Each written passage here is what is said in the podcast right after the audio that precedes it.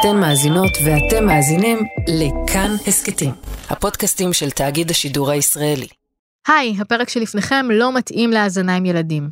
בנוסף, הוא כולל תכנים קשים על מחלות נפש, אובדנות ודיכאון. בבקשה תשקלו האם מתאים גם לכם להאזין לתוכן הזה. זה מסוג הדברים שקורים לאט-לאט, ואז בבת אחת. מישהו קרוב אלינו, אח, ילד, הורה, חבר, צריך עזרה. אצל ורד זה היה הבן שלה. ההתחלה הייתה בגיל 17, פשוט דיכאון, דיכאון מטורף. אמר לי איזה משהו, אמא, אין לי חברים. עכשיו, הוא אומר את זה כשבחוץ יושבים חברים שלו. הוא צדק אבל. אז הכל היה סביב לעשן ביחד גס. אמרתי לו, מה זאת אומרת? זה היה לי מוזר, ואז יום למחרת ישבתי וניסיתי ללמוד איתו למבחן באזרחות, והוא אומר לי עוד איזה משהו, אני אמרתי, אתה בדיכאון? פשוט בדיכאון. ורד היא בשנות ה-40 לחייה, מאזור המרכז, היא עוסקת בתחום הבריאות. כשהיא הבינה שהבן שלה בדיכאון, היה לה ברור שהוא צריך עזרה עכשיו. ואז המרדף לנסות למצוא מישהו שיראה אותו.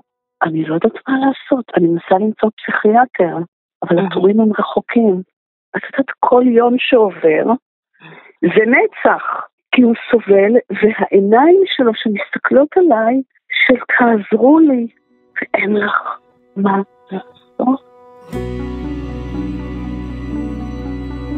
היי, אתם ואתן על חיות כיס, אני צליל אברהם.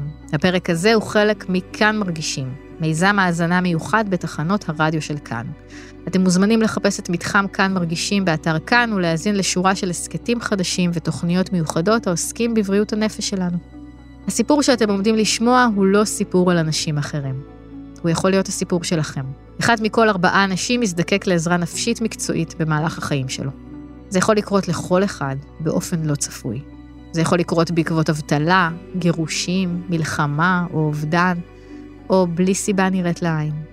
וברגע הזה, גם מי שמתבייש או חושש או רגיל להסתדר לבד, מבין שהוא לא יכול. הוא זקוק לעזרה.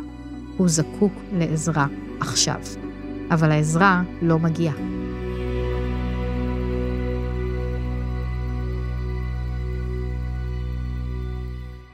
אין מענה, אין מענה נורמלי. אין מקום. המערכת הזאת היא מלאה בחורים. זה הסיפור על מה קורה כשעוברים משבר נפשי בישראל. תורי המתנה ארוכים של יותר משנה בקופות החולים לפסיכיאטר. אין מענה כמעט שאפשר להשיג. איך הגענו למצב הזה? אנחנו אחת המדינות עם שיעור הפסיכולוגים הקליניים ל-100 אלף איש הכי גבוהים בעולם, אבל אף אחד לא עובד בשירות הציבורי. והאם זה יכול להיות אחרת?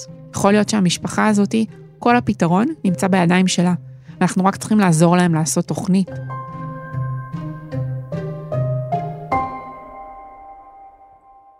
בדרך כלל אנחנו מראיינים אנשים לרדיו או לפודקאסט כי יש להם סיפור מיוחד. הפעם כל המרואיינים שלנו מספרים את אותו סיפור. סיפור רגיל להחריד שקורה כל יום בבתי חולים פסיכיאטריים, במרפאות בריאות הנפש, בבתי חולים רגילים ובקליניקות של רופאי משפחה. אני שירית רוגן לובזנס, מתמודדת נפש. אני מתמודדת עם מספר נכויות פיזיות ונפשיות. אני עובדת כמתאמת טיפול במיזם מצפן ליווי בדרך שלך, ומעניקה ליווי בתהליכים של מיצוי זכויות עבור מתמודדי נפש ומשפחותיהם. שירי פוגשת אותי בבית שלה ברמת גן. יושבת על הספה ומולה לפטופ, ממנו היא שולפת נתונים ודוגמאות למצבי מצוקה שלא נמצא להם מענה בבריאות הנפש. היא מכירה את זה גם מניסיון אישי. אני מתמודדת מגיל 11 עם פוסט-טראומה מורכבת, דיכאון, הפרעות חרדה וסומטופורם. סומטופורם היא חרדה מתבטאת באופן פיזי על ידי כאבים במקומות שונים בגוף. כמו כן אני חברה ומתנדבת בוועד מנהל של עמותת לשמה מזה מספר שנים. עמותת לשמה הוקמה על ידי מתמודדי נפש והיא עוזרת להם למצות זכויות ולקבל טיפול, וגם מקדמת מדיניות מול הרשויות. הגעתי להתנדבות בלשמה לעזור מתוך הניסיון שלי לאוכלוסייה שאני מזדהה איתה. מה יותר טוב מדוגמה אישית? אני הייתי אובדנית לפני כמה שנים, ניסיתי להגיע לאשפוז, סירבו לקבל אותי, על אף הצהרת אובדנות מפורשת. ניסיתי אחרי זה את תל השומר, רצו לשלוח אותי לגאה, למחלקה הסגורה. והיות ואני מכירה היטב את uh, התנאים שם, אני כמובן סירבתי. לפעמים קופת החולים מציעה איזשהו טיפול, אבל זה הטיפול שיש לה זמין כרגע, ולא בהכרח מה שהמתמודד או המתמודדת זקוקים לו. שירי, למשל, הצליחה לטפל בעצמה במקרה ההוא, בזכות מערכת התמיכה הרחבה שהייתה לה. אבל לא אצל כולם זה המצב. מתמודד מגיל מאוד רך, פוסט-טראומה מורכבת חריפה, ליד הרחוב במשך שנים, והוא כרגע גם מחפש מענה בצורה מאוד נואשת ולא מוצא, דרך קופת חולים מכבי. אבל המענה שרצו להציע לו זה מענה של טיפול באמצעות חבירה לקבוצה ספורטיבית של מתמודדי נפש, ולא מענה טיפולי רגיל. הוא כמובן ינסה את זה, אבל הוא לא בטוח אם זה מתאים לצרכים שלו. הוא חושב שלא. עמותת לשמה ועמותות אחרות של מתמודדים ובני משפחה שלהם קולטות את הזרם התמידי של אנשים שזקוקים לעזרה נפשית ולא מוצאים אותה. שירי ראתה רבים כאלה. ציבור מתמודדי הנפש מנסה להתאגד ולעזור זה לזה. אבל אה, זה לא מהווה תחליף למערכת תמיכה מוסדית, זמינה, מקצועית ונגישה.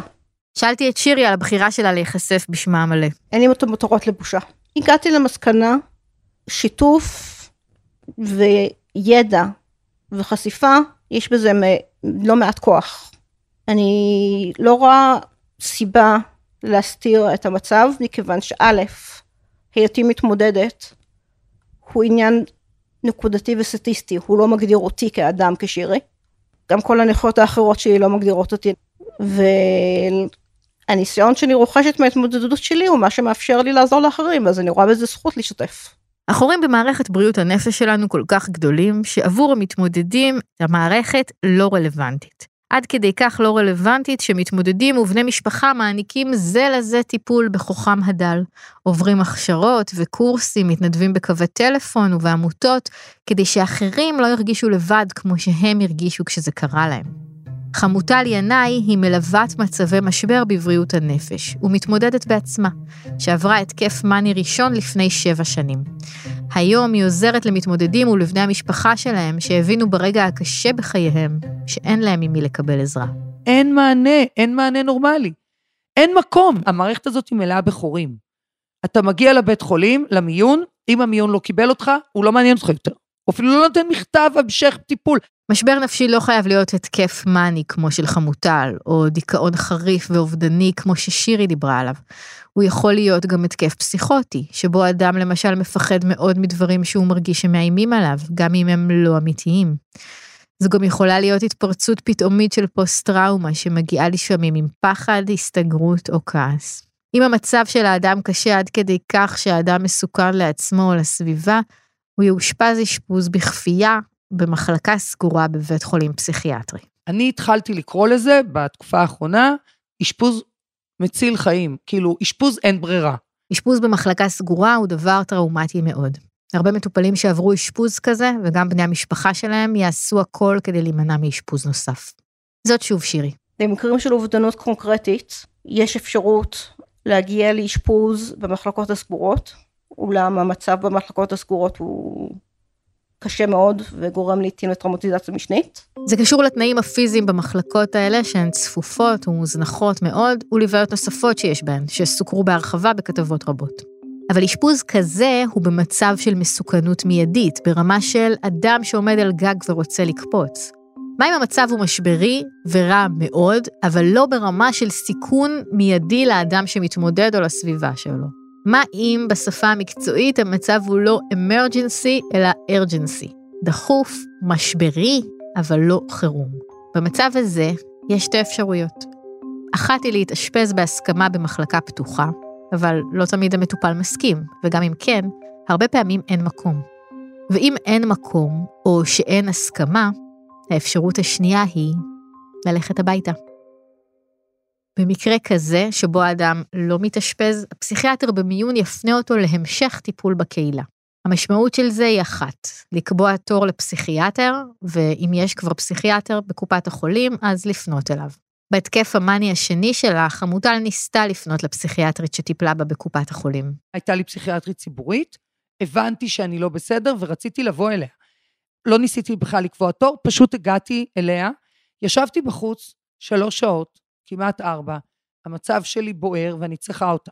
עד שנכנסתי אליה פנימה, היא כל כך הייתה מבוהלת, כי אני הייתי כבר בסטרס, סטרס, סטרס, המשפט הראשון שהיא גם אומרת לבעלי, אם היא לא מסכימה לקחת את הכדורים, קח אותה מיד למיון. לעומת הפסיכיאטר, לדוגמה, הפרטי שלי, שהיום יודע להגיד להם, כמו שקרה איתי, חכו, קחו אותה, ונותן איזשהו מענה יותר אנושי. רוב מתמודדי הנפש לא מגיעים למרפאה לדפוק על הדלת של הפסיכיאטרית בלי תור. הם מתבקשים פשוט לחכות. בין אם הם משתחררים מאשפוז, או בין אם לא אשפזו אותם בכלל. כמה? לפי נתונים ישנים למדי של משרד הבריאות, בין חצי שנה לשנה, תלוי איפה. לפי המתמודדים עצמם, אפשר להמתין גם שנה ויותר, והתור לטיפול פסיכולוגי יכול לקחת גם שנה וחצי. זה מספיק זמן כדי שכל המתמודדים ובני המשפחה שדיברתי איתם יגידו את המשפט הבא: המערכת הציבורית לא קיימת. וכמובן שאין ואקום. מי שידו משגת מטופל אצל פסיכיאטר פרטי, שעונה לוואטסאפ בכל שעה, ויש אפילו אשפוז פרטי. אבל איך הגענו למצב הזה? כדי לענות על זה צריך לחזור ל-2015. אז יצאה לדרך הרפורמה במערכת בריאות הנפש, או כמו שהיא מכונה בין אנשי המקצוע, הרפורמה. כל הדברים שהרפורמה לא הצליחה לעשות והציבור הישראלי משלם עליהם מחיר, אלה היו דברים שהתרענו עליהם. כלומר, אני לא חושב שיש משהו באופן שבו דברים התגלגלו מאז 2015 שממש הפתיע אותנו. זה דוקטור שי תמר.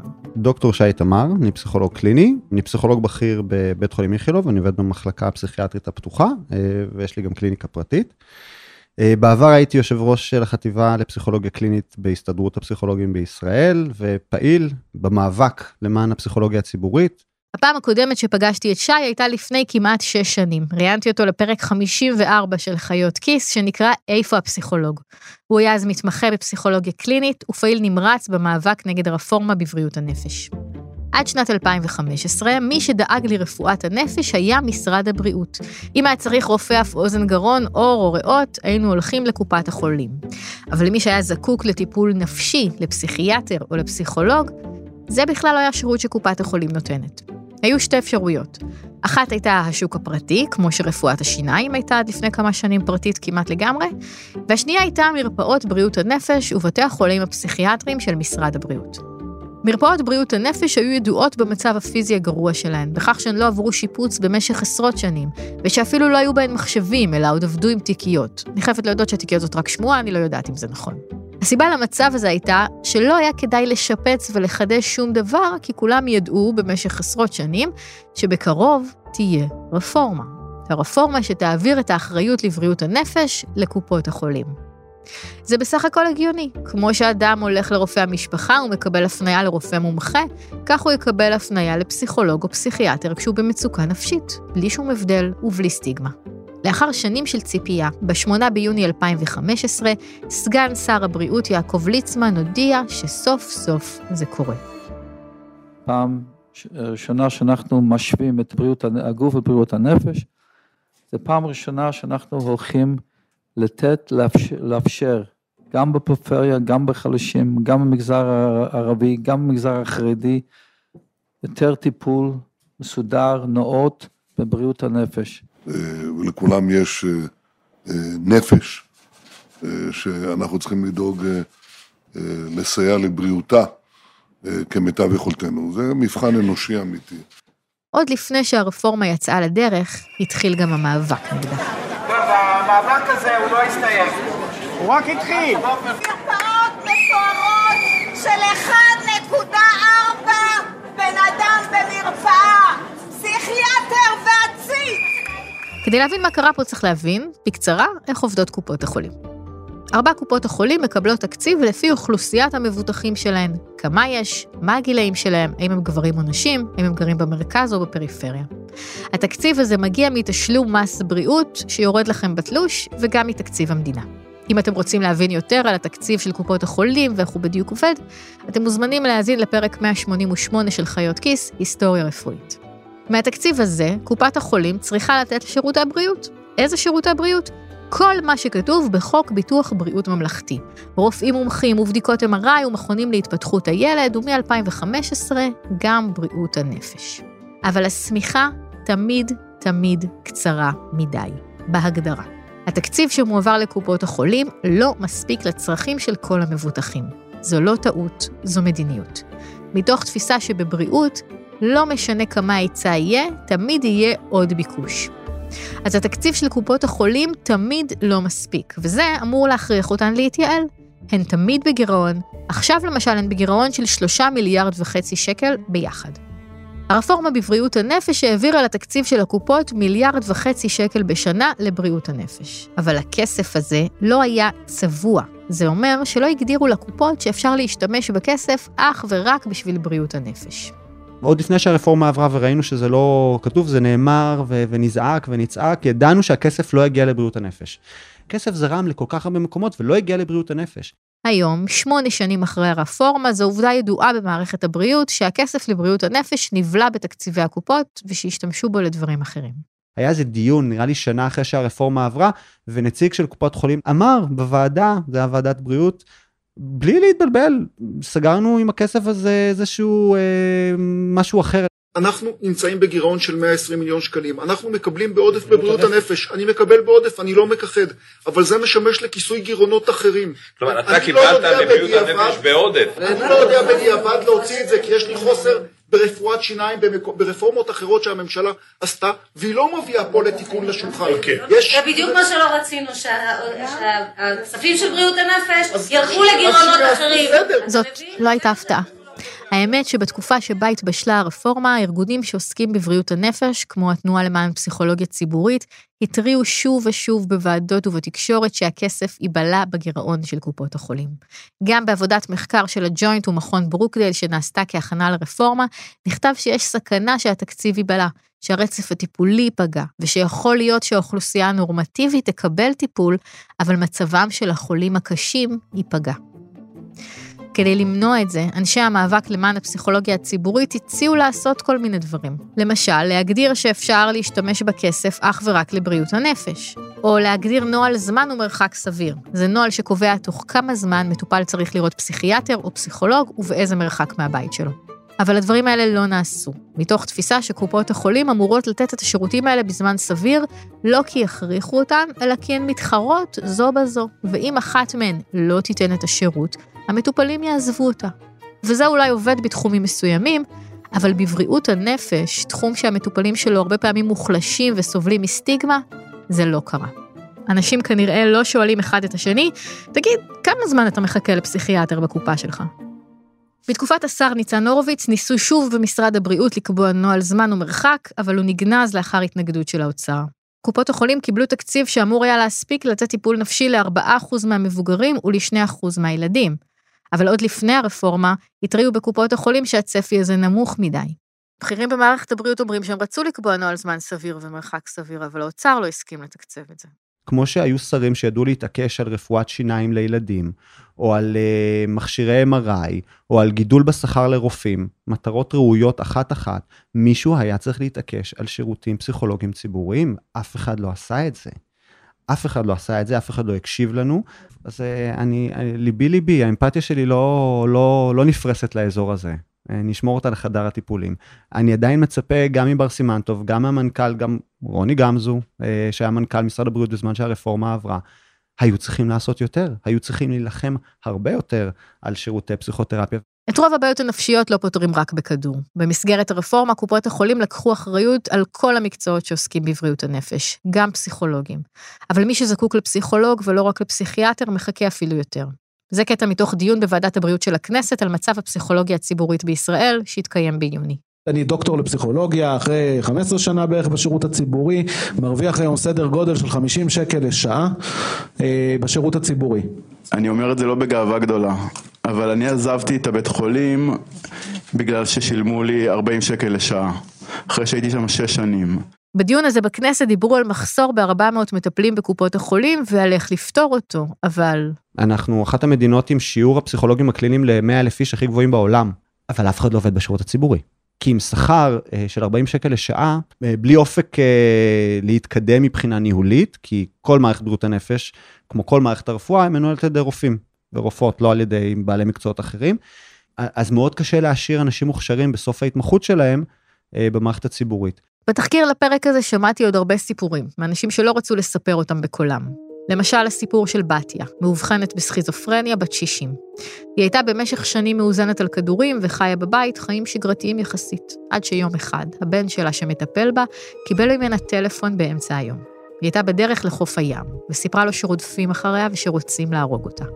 הוא יצא מהמשרד ונסע לחפש אותה על החוף. כשהוא מצא אותה, הוא התקשר למרפאה שבה היא מטופלת, אבל שם אמרו לו שאי אפשר לראות את הפסיכיאטרית שלה, וגם לא לדבר איתה בטלפון או לשלוח מייל, רק לקבוע תור ולהמתין.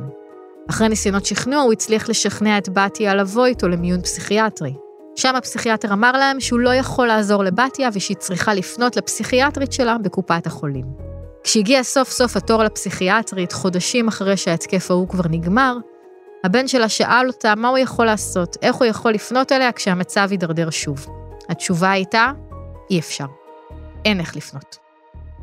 או הסיפור של אפרת, בת 43, גם היא מאובחנת עם סכיזופרניה. לפני שלוש שנים אפרת שוחררה מאשפוז והוחזרה לבית של אמה כשהיא עדיין לא מאוזנת, סובלת מהתקפים, צועקת ומתפרצת על האם. המשפחה פנתה לבית החולים וביקשה עזרה, אבל שם אמרו שאפרת כבר שוחררה והפנו אותם לקופת החולים. בקופת החולים אפרת המתינה עשרה חודשים לטיפול התנהגותי, שאמור לטפל בזעם שלה, וגם הטיפול הזה הסתיים לאחר חצי שנה. אחרי שהמערכת שולחת את המטופלים להמתין בשקט לתורם, היא לא רואה אותם יותר. אבל הם לא נעלמים, והמשבר לא מסתיים. הם חוזרים הביתה. המתמודד, סוער, זועם, כועס, מאני או דיכאוני, חוזר איתם. ושם, הוא והמשפחה שלו נמצאים לבד. הדלת נסגרת, והם צריכים להתחיל להכיל את מה שאי אפשר להכיל. להתמודד עם מה שאי אפשר להתמודד איתו לבד.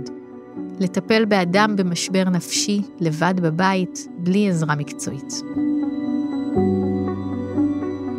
משפחות מגיעות למצבים של חוסר אונים, אין להם מה להציע ליקרים שלהם. הכל אורח החיים הנורמטיבי של שינה, של משפחה, של משפחה, של ארוחות משפחה, הכל נפגע, הכל מתערער. האדמה רועדת, זה להיות בסיטואציה שאת במצב חירום תמידי, שבועות לפעמים, והמשאבים נשחקים ונגמרים. זאת סיוון בר-און. אני סיוון בר-און, אני עובדת סוציאלית קלינית, ואני מנהלת את אה, דיאלוג פתוח ישראל, חברה לתועלת הציבור בתחום בריאות הנפש. דיאלוג פתוח היא שיטת טיפול שמקדמת גישה שהיא כמעט חתרנית, גישה שאומרת שאפשר לדבר עם מתמודדי נפש. בעיני אנשי דיאלוג פתוח, עולם בריאות הנפש עבר מדיקליזציית יתר, ואנשי המקצוע לעתים קרובות לא רואים מולם בן אדם, אלא מחלות, שצריך לטפל בהן בכדורים. בדיאלוג פתוח מעודדים שיחה עם המתמודדים והקשבה לדברים שהם אומרים, גם אם לנו הם נשמעים חסרי היגיון. סיוון מסבירה שמשבר נפשי הוא תמיד משבר משפחתי. מי שהחיים שלו נעצרים כדי לטפל במתמודד נפש, מפתח לעתים קרובות מצוקה משלו. כולם נכנסים למצוקה מאוד קשה. קורה שלפעמים יש מקרים של אלימות, אלימות מילולית או אלימות פיזית. קורה שאנשים חיים במצב נורא מאיים, מאבדים שם שינה ונכנסים למשברים נפשיים בעצמם כתוצאה מהעדף של האירוע המתגלגל הזה. יש המון המון בדידות בתוך הדבר הזה, עד לכדי משברים נפשיים של האנשים שמלווים את הבן אדם, שנכנסים בעצמם או לדיכאון או למצבי חרדה קיצוניים, עד למצב שבאמת הרבה פעמים כבר המשפחה אומרת בכאב מאוד גדול, אז שיאשפזו, אז שיאשפזו בכפייה, שיאשפזו, כאילו, כי אין ברירה כבר, כי כבר אין להכיל. שאלתי את סיוון מה אפשר לעשות אם מתמודד במצב משברי, חוץ משתי האפשרויות שהזכרנו, אשפוז או המתנה של שנה לפסיכיאטר או לפסיכולוג. ואיך אפשר לסייע למשפחה שלצידו. ואז היא פתחה בפניי מניפה שלמה של אפשרויות, יצירתיות ויעילות, שפשוט לא קיימות כאן. אחד הפתרונות שסיוון מספרת עליו, ואין אותו בארץ, נקרא צוותי משבר. במקום שאדם במצב משבר נפשי יצטרך להגיע לבית החולים או למרפאה, העזרה מגיעה אליו הביתה. יש לו קו טלפון שיכול לפנות אליו, שפתוח 24/7, קודם כל הוא יכול לקבל ממנו את הסיוע הנפשי הראשוני. אגב, הוא או מי שבמצוקה סביבו מהמצוקה שלו, לא משנה מי, מרים את הטלפון, ככה זה למשל נעשה בדיאלוג פתוח. ואז צוות אה, מתארגן במקרה הצורך ומגיע הביתה. צוותי משבר קיימים באנגליה מאז שנות ה-90. הם מהווים חלופה לאשפוז פסיכיאטרי. בעשור הראשון של שנות האלפיים הוקמו צוותים כאלה גם בספרד, בנורבגיה, בהולנד, בפינלנד, בגרמניה, בצ'כיה, בפולין, באוסטרליה ועוד. הם נחלקים בין צוותי חירום שממוקדים יותר במצב משברי ספציפי, לבין צוותי טיפול ביתי שמגיעים לבית המתמודד לטווח ארוך יותר. בצוות הזה יכולים להיות שניים או שלושה אנשים מכל מיני מקצועות שקשורים בבריאות הנפש, פסיכיאטר, אח פסיכיאטרי, פסיכולוג, עובד סוציאלי או עמית מומחה, שזה מתמודד או בן משפחה של מתמודד שהוא בעל ידע מניסיון. הצוות הזה מדבר עם המתמודד, עם המשפחה, והוא יכול לתת תרופה להרגעה. ואז, למחרת, הוא מגיע שוב. וגם ביום למחרת, וגם אחר כך. ואולי בשבועיים הראשונים להגיע כל יום לפגוש את המשפחה הזאת ולעשות טיפול שמדיאלוג פתוח קוראים לו טיפול מותאם צרכים. להבין מה קורה בתוך המשפחה הזאת, עם מה צריך לסייע, לאיזה גורמים אפשר להפנות, בין אם זה, יכול להיות שלפעמים זה גם גורמי רווחה, יכול להיות שהמשפחה הזאת, כל הפתרון נמצא בידיים שלה. ויש הרבה אנשים וחברים שמוכנים להתגייס, ואנחנו רק צריכים לעזור להם לעשות תוכנית. בניגוד לחדר מיון, שבו נותנים מרשם והפניה לטיפול בקהילה וזהו, צוות המשבר הזה נשאר.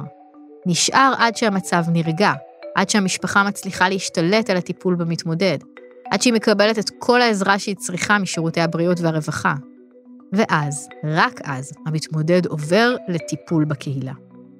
המחקרים במדינות בהן יש צוותי משבר מראים שהם מורידים את מספר האשפוזים הפסיכיאטריים, ובעצם מחליפים אותם. אתה צריך עזרה, הצוות שמה. למה זה גורם? לזה שאנשים מקבלים את העזרה מוקדם. במה יותר קל לטפל? במשברים קטנים או גדולים? זה make sense. למה זה חוסך כל כך הרבה כסף? למה זה כל כך יעיל? זה מתחיל משם, וזה מתחיל מזה שהיום כדי לקבל מענה אתה צריך להגיע למצב כל כך כל כך אקוטי, עד למצב שאולי יאשפזו אותך בכפייה.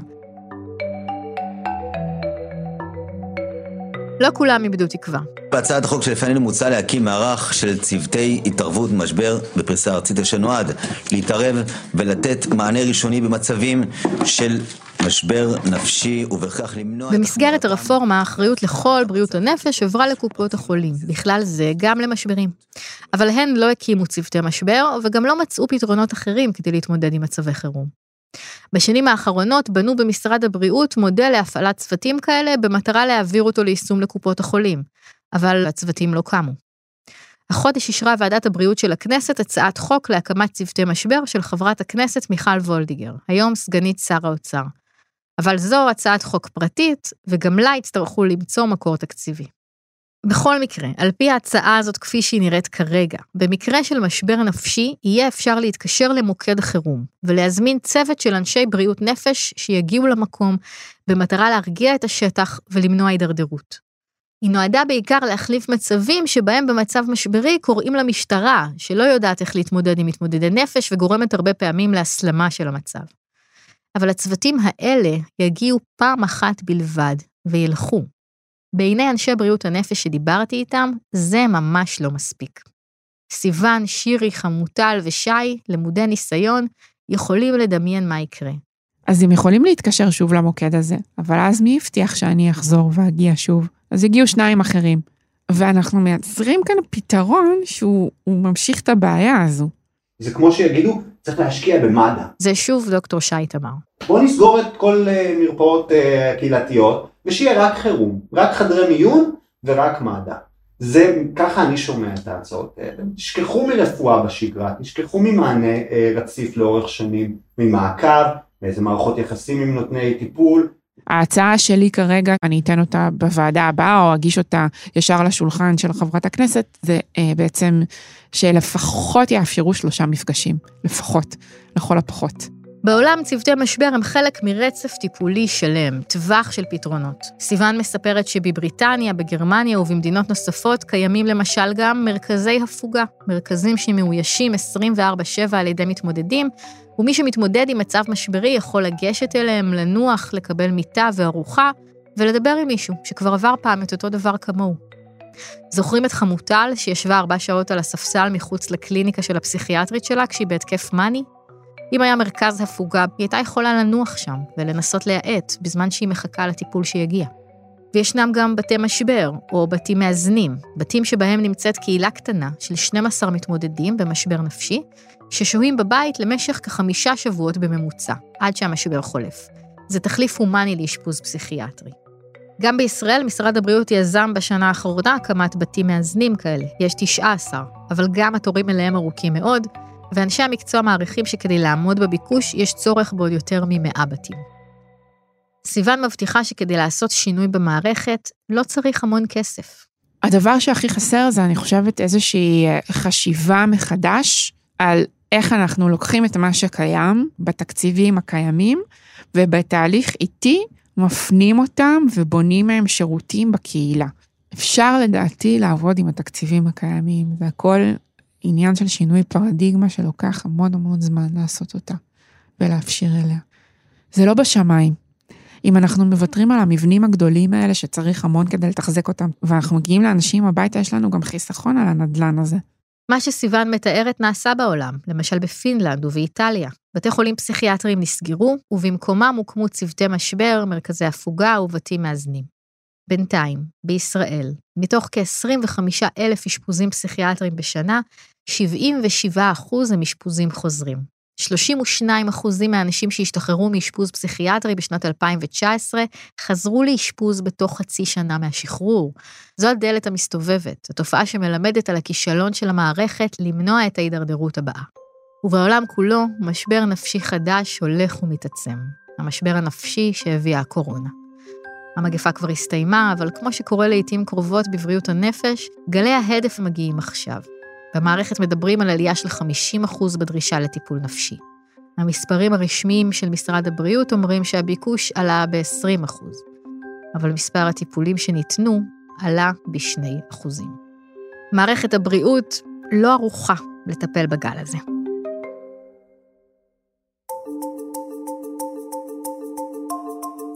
ועוד מילה אחת לפני שמסיימים. האנשים שפגשתי בעבודה על הפרק הזה ביקשו ממני להגיד לכם שאם אתם או בן משפחה שלכם נמצאים במשבר נפשי, אתם לא צריכים להישאר לבד. נכון, המערכת הציבורית לרוב לא יודעת לתת מענה מהיר מספיק, אבל גם אם המערכת הציבורית לא עוזרת לכם ורפואה פרטית לא אפשרית עבורכם, כדאי לכם לפנות לאחת מעמותות המתמודדים ובני המשפחה שלהם. מתמודדים יכולים לפנות לעמותת לשמה באתר האינטרנט של העמותה, ובני משפחה יכולים לקבל עזרה מעמותת משפחות בריאות הנפש, ממרכז יהל ומעמותת מילם. לכולן ניתן לפנות דרך האינטרנט. תגובת משרד הבריאות תחום בריאות הנפש נמצא בראש סדר העדיפויות של משרד הבריאות. בשנים האחרונות פועל המשרד לחיזוק מערך האשפוז בבריאות הנפש, זאת לצד הובלת מדיניות המעודדת העברת מרכז הכובד לטיפול בקהילה ופיתוח שירותים מונעי האשפוז בפרט. בחודשים הקרובים יפרסם המשרד תוכנית כוללת עבור הצורך הגובר במענים בתחום בריאות הנפש, תוך שימת לב לאוכלוסיות הזקוקות למענים ייחודיים כמו ילדים ובני נוער. מתוך ראייה זו, בתקציב הנוכחי התווספו מאות מיליוני שקלים לעולמות התוכן השונים בבריאות הנפש, כאשר תוספת זו מצטרפת למגמת עלייה עקבית בתקציב בשנים האחרונות.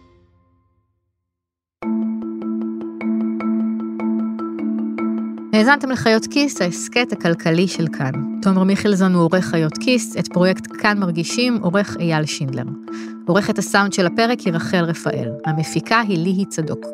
תודה לחבריי למערכת חיות כיס, שאול אמסטרדמסקי ואלונה מיצי. אפשר להאזין לכל הפרקים של חיות כיס ולכל התוכניות בפרויקט כאן מרגישים, באתר כאן וביישומוני ההסכתים. אני צליל אברהם, תודה רבה שהאזנתם.